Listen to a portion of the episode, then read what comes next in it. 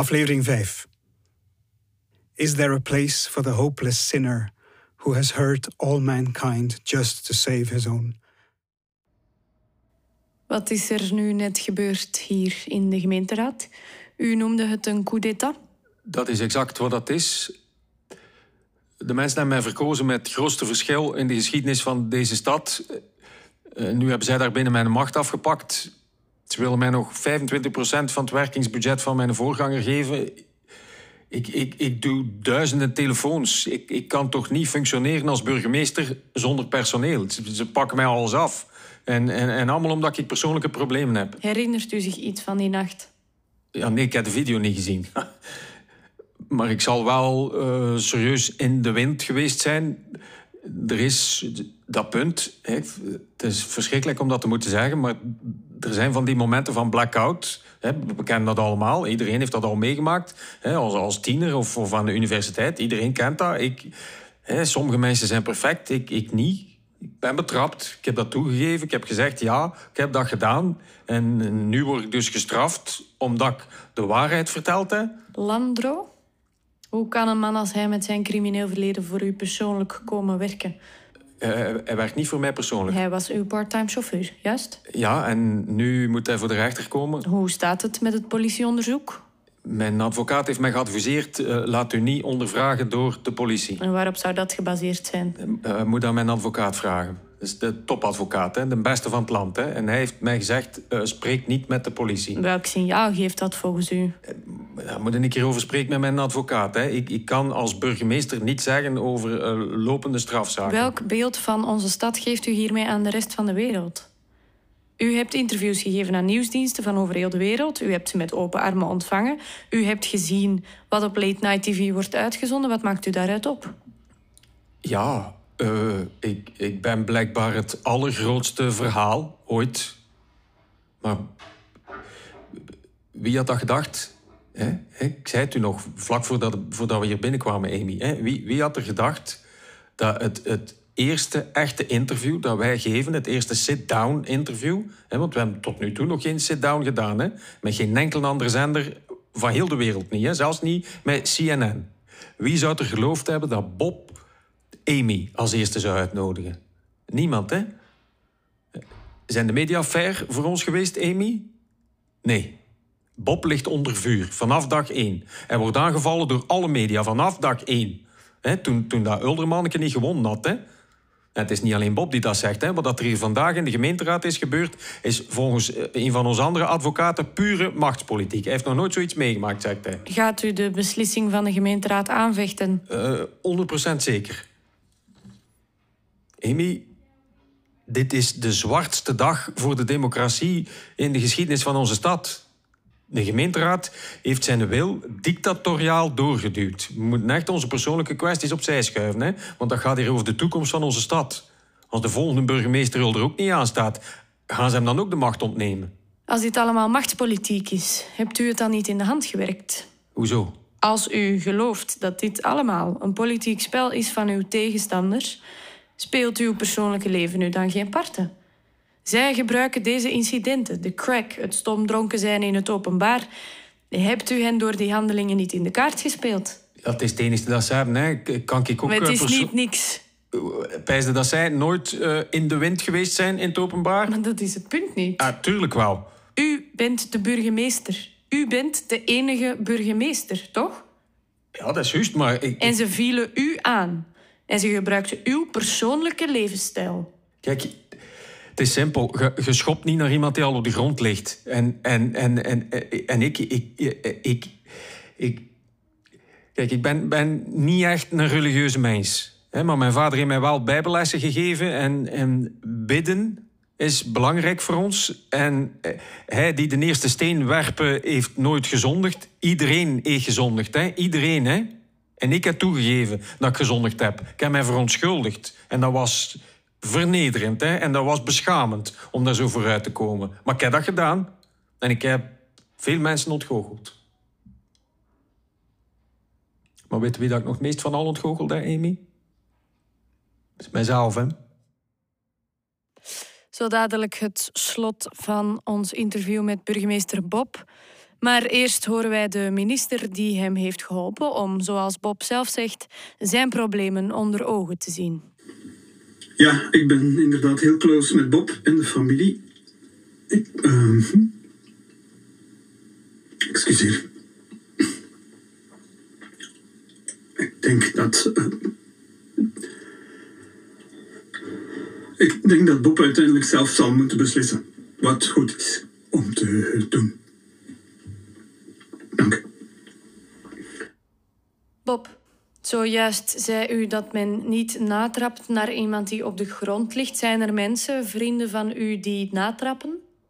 Nee, ik wil, ik wil de mensen bedanken. Er zijn duizenden, duizenden en duizenden mensen die mij steunen. Staan achter mij. Ik begrijp dat er veel steun is. Ik heb het zelf gezien. Wat maar noemt jij de mensen in de gemeenteraad vrienden? Nee, ik heb het niet alleen over hen. Ik heb het over uw gelijken in het publieke leven. Die close waren met u, die uw steun hebben gevraagd in het verleden. Zijn ze er nu voor u? Helemaal. Iedereen in mij gebeld. Hè? Mijn vrienden, mijn familie, mensen die ik totaal niet ken. Oké, ik snap dat er fans zijn en dat mensen naar u toe komen op straat. Ik heb het over mensen met wie u werkt in de politiek. Uw partijleider heeft hij gebeld en u zijn steun betuigd. Nee, En doet dat pijn? nee, ik ken hem eigenlijk niet zo goed. Maar denkt u dat hij u bewust niet heeft gebeld? Ja, Dat weet ik niet, hè. ik kan niet voor hem spreken. En de eerste minister? Nee, Hij heeft niet gebeld. nee, Zou u dat van hem verwachten? nee, Bent u boos omdat hij niet gebeld heeft? nee, Federale ministers? nee. Niemand heeft gebeld. Jawel. Eén iemand heeft gebeld. Jan? Ja, Ik ga ervan uit dat u zijn speech hebt gehoord. ja. Wat deed dat met u? Brak mijn hart. Het... Mijn hart is gebroken. Als hij bereid is om daar te gaan staan en voor het oog van heel het land te spreken, om voor het oog van de wereld te zeggen wat dat hij voelt, dat is een echte vriend. Toen dat ik mij, toen dat ik mij verkiesbaar stelde, was er geen enkel partijlid. Geen enkel. Eh, progressief, conservatief, er was niemand die van zich liet horen. Behalve Jan. En ik weet dat zeker, er werd ervoor uitgelachen, achter zijn rug. Maar kijk, Jan is altijd in ons blijven geloven. En de tranen sprongen in mijn ogen toen we Jan op televisie zagen. En, en, en wij gaan het verschil maken. Iedereen verdient een tweede kans. En Bob gaat de kampioen zijn van de tweede kans. Ik zeg het u. Hij gaat gewicht verliezen. En hij gaat zijn leven een nieuwe wandeling geven. Hij gaat zijn leven in de juiste richting sturen. En hij is al op, op het juiste pad op dit moment. En als je geen verandering ziet in mij over vijf maanden, dan heb ik mijn woord gebroken. Kijk, dat toont dat iemand karakter heeft, Amy. Als ik hier tegenover u zit over vijf maanden, wat zal ik dan zien? Dan ga jij iemand zien die minstens 15 kilogram lichter is. Waarschijnlijk een beetje dikkere armspieren gaat hebben, sterkere borstkas. Maar we zullen zien, hè, want woorden kosten niets. Mijn naam komt op de kieslijst. Komt een keer met mij spreken op de verkiezingsavond van de 27 oktober. Geen drank in die vijf maanden. Ik wil blazen wanneer dat hem maar wilt. Maar u bent nu van de drank af? U bent klaar met alcohol? Finished. U zult nooit meer drinken. Finished. Ik ben eindelijk tot het moment van Jezus gekomen, als je het zo wilt noemen. En wat heeft u daartoe gebracht? Wat was het moment van... Waarschijnlijk Jan zijn speech van die avond. Ja, Ik ga je iets zeggen, hè, Amy. Nadat ik Jan gezien heb, heb ik mijn broer opgebeld en ik heb hem gezegd: Ik ga mijn leven veranderen. Als je ziet dat iemand gelijk Jan eh, ja, niet meer uit zijn woorden komt op, op, hè, tijdens dat interview. Dat dus, hè. En, en de vernedering. Dat constant gekleineerd worden. En, en de mensen die ik ontgoocheld heb. Ik heb mijn mama ontgoocheld. Ik heb mijn broer ontgoocheld, mijn vrouw, mijn kinders. Ik heb mijn papa ontgoocheld. En ik weet dat hij van Gent erboven naar ons kijkt. we gaan het daarbij laten voor vandaag. We zien elkaar over vijf maanden. Ah, Misschien wel vroeger, hè, hopelijk. Hartelijk dank voor dit gesprek. Gij bedankt, Amy.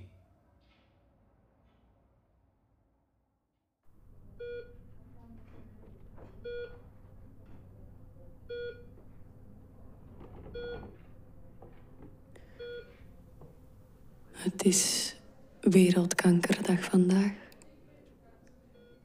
Het lijkt mij heel relevant om met u te spreken vandaag en te zien hoe het met u gaat. Op dit ogenblik in dit hele proces.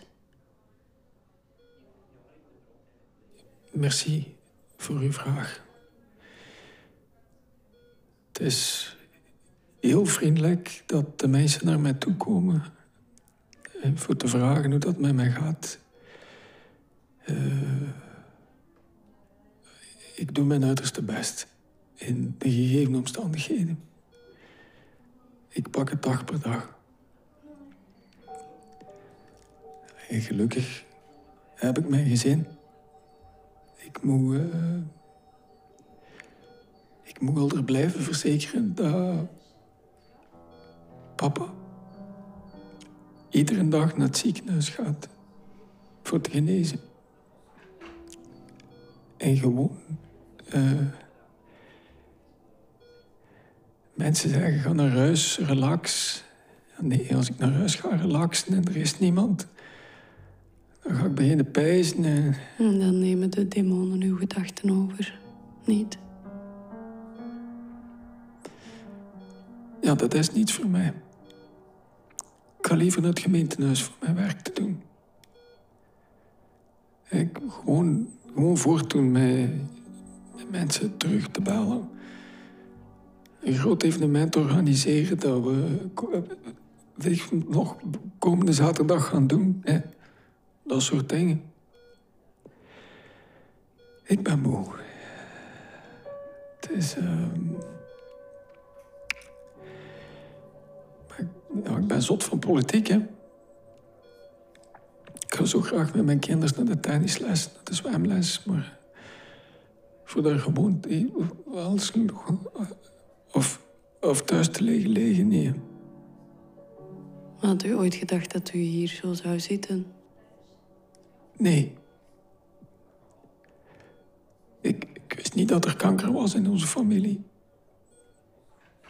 Maar dan in één keer stierf mijn vader beenmergkanker.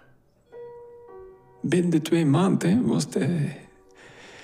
Dat moet beangstigend voor u zijn. Daar raak ik nooit niet meer over, pijs ik.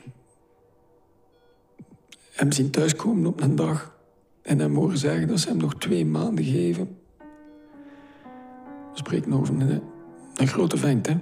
Een meter 90, 125 kilo. Echt, echt een grote vent. Mentaal ook zeer sterk altijd veel succes gehad in het leven. En hij zegt, we gaan strijden.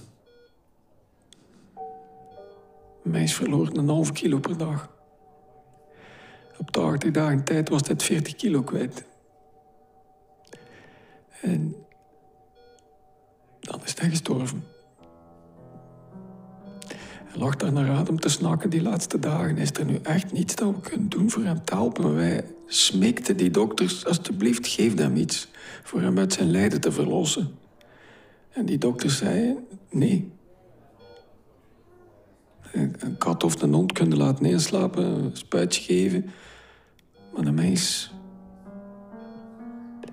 Hem daar zo naar adem zien liggen snakken die laatste paar uur, dat is, dat is, dat is iets Betrapt u zichzelf erop dat u uw familie in bescherming neemt?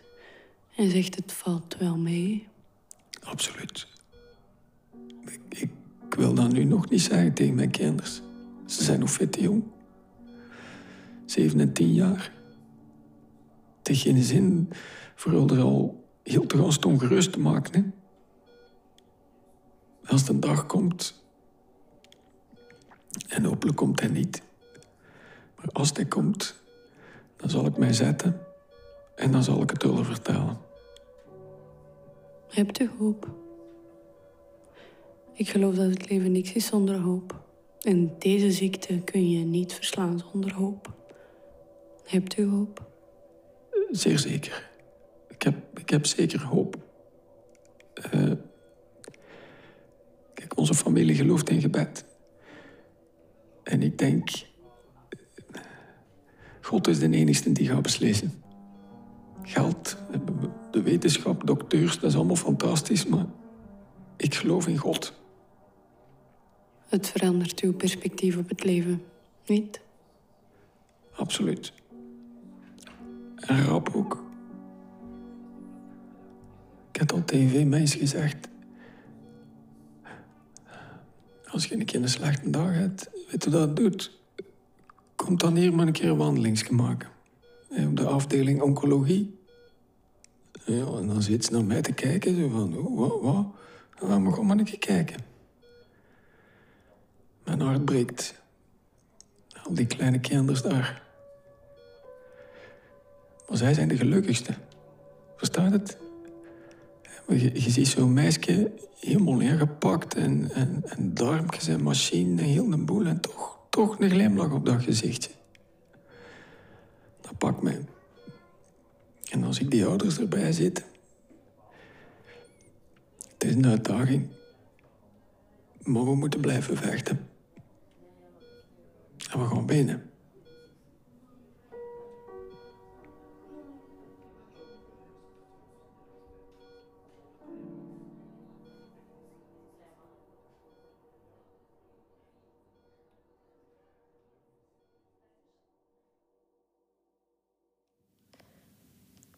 Meer zijn problemen openbaar werden, hoe minder hij sprak met mensen in de gemeenteraad.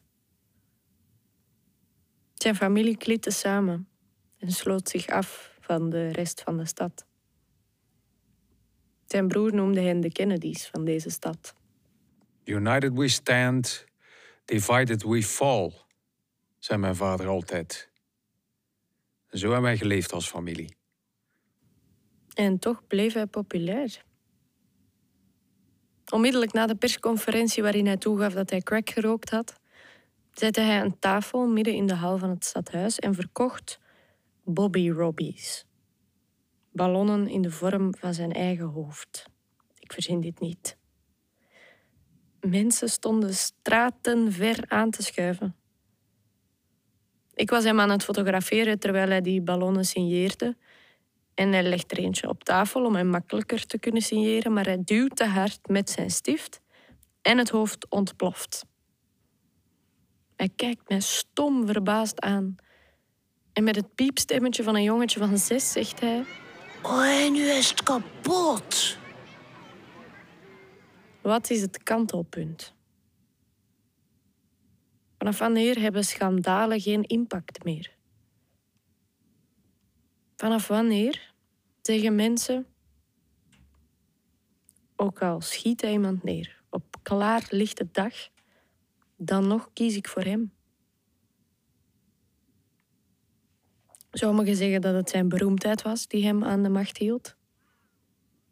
Ik geloof dat mensen daarom graag met hem op de foto wilden, maar wil je echt dat die man je burgemeester is? Hij had iets dat mensen van hem deed houden. Een soort kwetsbaarheid die mensen intuïtief aanvoelen. En dat is iets dat ik bij geen enkele andere politicus heb gezien. Veel mensen geloofden dat Bob echt met hen sprak. Niet met dure woorden, maar met woorden die zij kenden. Hij gaf mensen het gevoel dat hij was zoals zij, dat hij dezelfde worstelingen had. Hij was echt, vonden ze. Dat hij loog en vals speelde namen ze op de koop toe. Hij sprak mensen aan die zich in de steek gelaten voelden. Als ze Bob opbelden, zei hij: Ben je nu donderdag vrij? En dan liet hij iemand van de dienst openbare werken naar hun voordeur komen. Dat is de reden waarom Bob daarna alle regels heeft kunnen breken. Mensen zeiden: Ja, nu heeft hij problemen, maar weten. Zes jaar geleden had ik een probleem en hij heeft mij toen teruggebeld. Dat betekent heel veel voor mensen. En ik begrijp dat zeer goed. Hadden wij het anders moeten aanpakken? Ik heb nooit het gevoel gehad dat mijn persoonlijke geloofwaardigheid als journalist in gevaar was. Mijn krant is mij altijd blijven steunen. Maar ik blijf het verbijsterend vinden dat mensen niet geloofden wat ik met mijn eigen ogen had gezien. Het leek wel of er te weinig bandbreedte was in hun hoofden, alsof er te veel tegelijkertijd uitkwam. Waardoor het onmogelijk was om het allemaal te behappen en de ernst van de situatie in te zien. Hoeveel info kun je aan over één persoon? Zijn communicatiestijl werkte perfect. De manier waarop hij elk schandaal van zich af liet glijden als water van een eend. Hoe hij het ene verhaal door het andere verving tot het eerste zijn impact verloor. Hoe hij claimde dat hij het allemaal deed in naam van de gewone man, de belastingbetaler. Dat hij hem redde van de duivelse staat, regering, het systeem, de elite. Kiezers waren daar heel ontvankelijk voor. Onze lezers stuurden mij berichten. Waarom brengen jullie hier nog verslag over uit? Stop met naar zijn persconferenties te gaan. Dat zou pas een mediasamenzwering geweest zijn. Als wij collectief hadden beslist, wij houden niet van deze persoon of deze persoon liegt, dus wij gaan niet over hem schrijven. Hij is de burgemeester, we moeten over hem schrijven. We gaan naar zijn persconferenties en brengen verslag uit over wat hij zegt. Maar je kunt echt gehypnotiseerd raken door Circus Bob. Oh, kijk, hij speelt een uh, zatte chauffeur. Of zie hem dansen op die grappige video. Sommige collega's hebben dat aspect enorm uitvergroot. Ik was een goede danser. Ik ben het daar niet mee eens, maar je leek u te amuseren. Dat is het belangrijkst. Maar Bob was geen comedian. De acteur die hem zou spelen moet slapstick kunnen combineren met een complex en soms heel donker karakter. Als ik verslag uitbreng over een politicus, is mijn leidraad: is het amusant voor het publiek of is het van publiek belang? Is it interesting to the public or is it in the public interest? Is er een grens? Zijn er dingen waar het publiek geen zaken mee heeft? Ik denk dat crack een goede grens is. Maar serieus, de grens is voor mij overschreden als je job er ernstig onder gaat lijden, je werk. Je gezin en familie heb ik er altijd buiten gelaten. Gaan de mensen Bob ooit vergeven? We zijn allemaal mensen. En we zijn allemaal zot van een goed verhaal. En er is geen beter verhaal dan een verhaal met aan het einde de vergiffenis. Toch? Hm, dat weet ik niet. Dat moet ieder voor zichzelf bepalen. Ik geloof wel dat mensen altijd vatbaar zullen zijn voor het verhaal dat de stal van de politiek moet worden uitgemist en dat één persoon dat voor hen kan oplossen. Het enige verweer dat wij als journalisten daartegen hebben is accurate berichtgeving. Niet alle politici zijn slecht. En geen enkele politicus is altijd slecht. Maar de rol van de journalist mag zich echt niet beperken tot het vasthouden van de microfoon. Als iemand zegt: Het regent buiten. En iemand anders zegt: De zon schijnt. Ja, dan moet je ook zelf naar buiten kijken en hen beiden confronteren met de feiten die jij kent. Natuurlijk maken wij daarin fouten. Wij zijn mensen. En die fouten moeten wij eerlijk erkennen en rechtzetten Anders verliezen wij direct onze geloofwaardigheid. Maar als wij als journalisten de rol van waarheidszoekers niet meer opnemen, wie gaat het dan doen? Dat is wat ik wil blijven doen.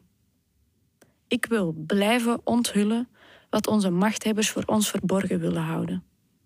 Ik wil grote reportages blijven maken die regeringen in beweging brengen, die beleid veranderen en de loop van mensenlevens verbeteren. Hier, hier. Eh, herinnert u dat nog? ja, ja dat, is, uh, dat is een goede foto van ons samen. Uh, ik, werd op reportage, ja, ik werd op reportage gestuurd naar het WK in Jamaica. Ah, ja, dat was leuk dit was in oktober 2011. Ja. Ja, net voor de verhalen over huiselijk geweld naar buiten kwamen en hij niet meer met mij wilde spreken. Bob loopt daar ook ergens rond en, en, en uitgelaten vragen wij... Ah, mogen we de foto met u, meneer de burgemeester? En hij roept, maar ja, natuurlijk. En ik zeg nog, ik ben Amy van de kwaliteitskrant, want ik zag dat hij mij niet herkende. Waarop hij zegt, oei, nee, dat niet. Ik zeg, ah, kom hier. We zijn in Jamaica. What happens in Jamaica? En hij deed het. Af en toe stuur ik zijn broer die foto nog eens op. En we zijn Ja, begonnen. beginnen, beginnen. One love, one heart. Let's get together and feel alright. Hear the children crying. One love, Hear the children crying. one heart. Dance and praise to the Lord, and I will feel alright. Sing, Get together and feel alright. Hier, deed dat jij? One love. Nee, wacht. One love. Vettekop werd mogelijk gemaakt door Literatuur Vlaanderen, het Vlaams Audiovisueel Fonds en CC De Grote Post. Tist Mortelmans verzorgde de audio-opnames en montage. Fred van de Moortelen het sounddesign. Aline Cornelissen en Jurgen Delnaat speelden. Tekst en regie Jorre van den Bussen. Productie Maalstrom. Co-productie Het Nieuw Stedelijk. Met dank aan Lucas de Rijke, Bert Hornix, Jasper Rigaud, Sarah Vertongen en Gitte van Hooijwegen. Give thanks and praise to the Lord, and I will feel alright. Ja, Let's Get together and feel alright.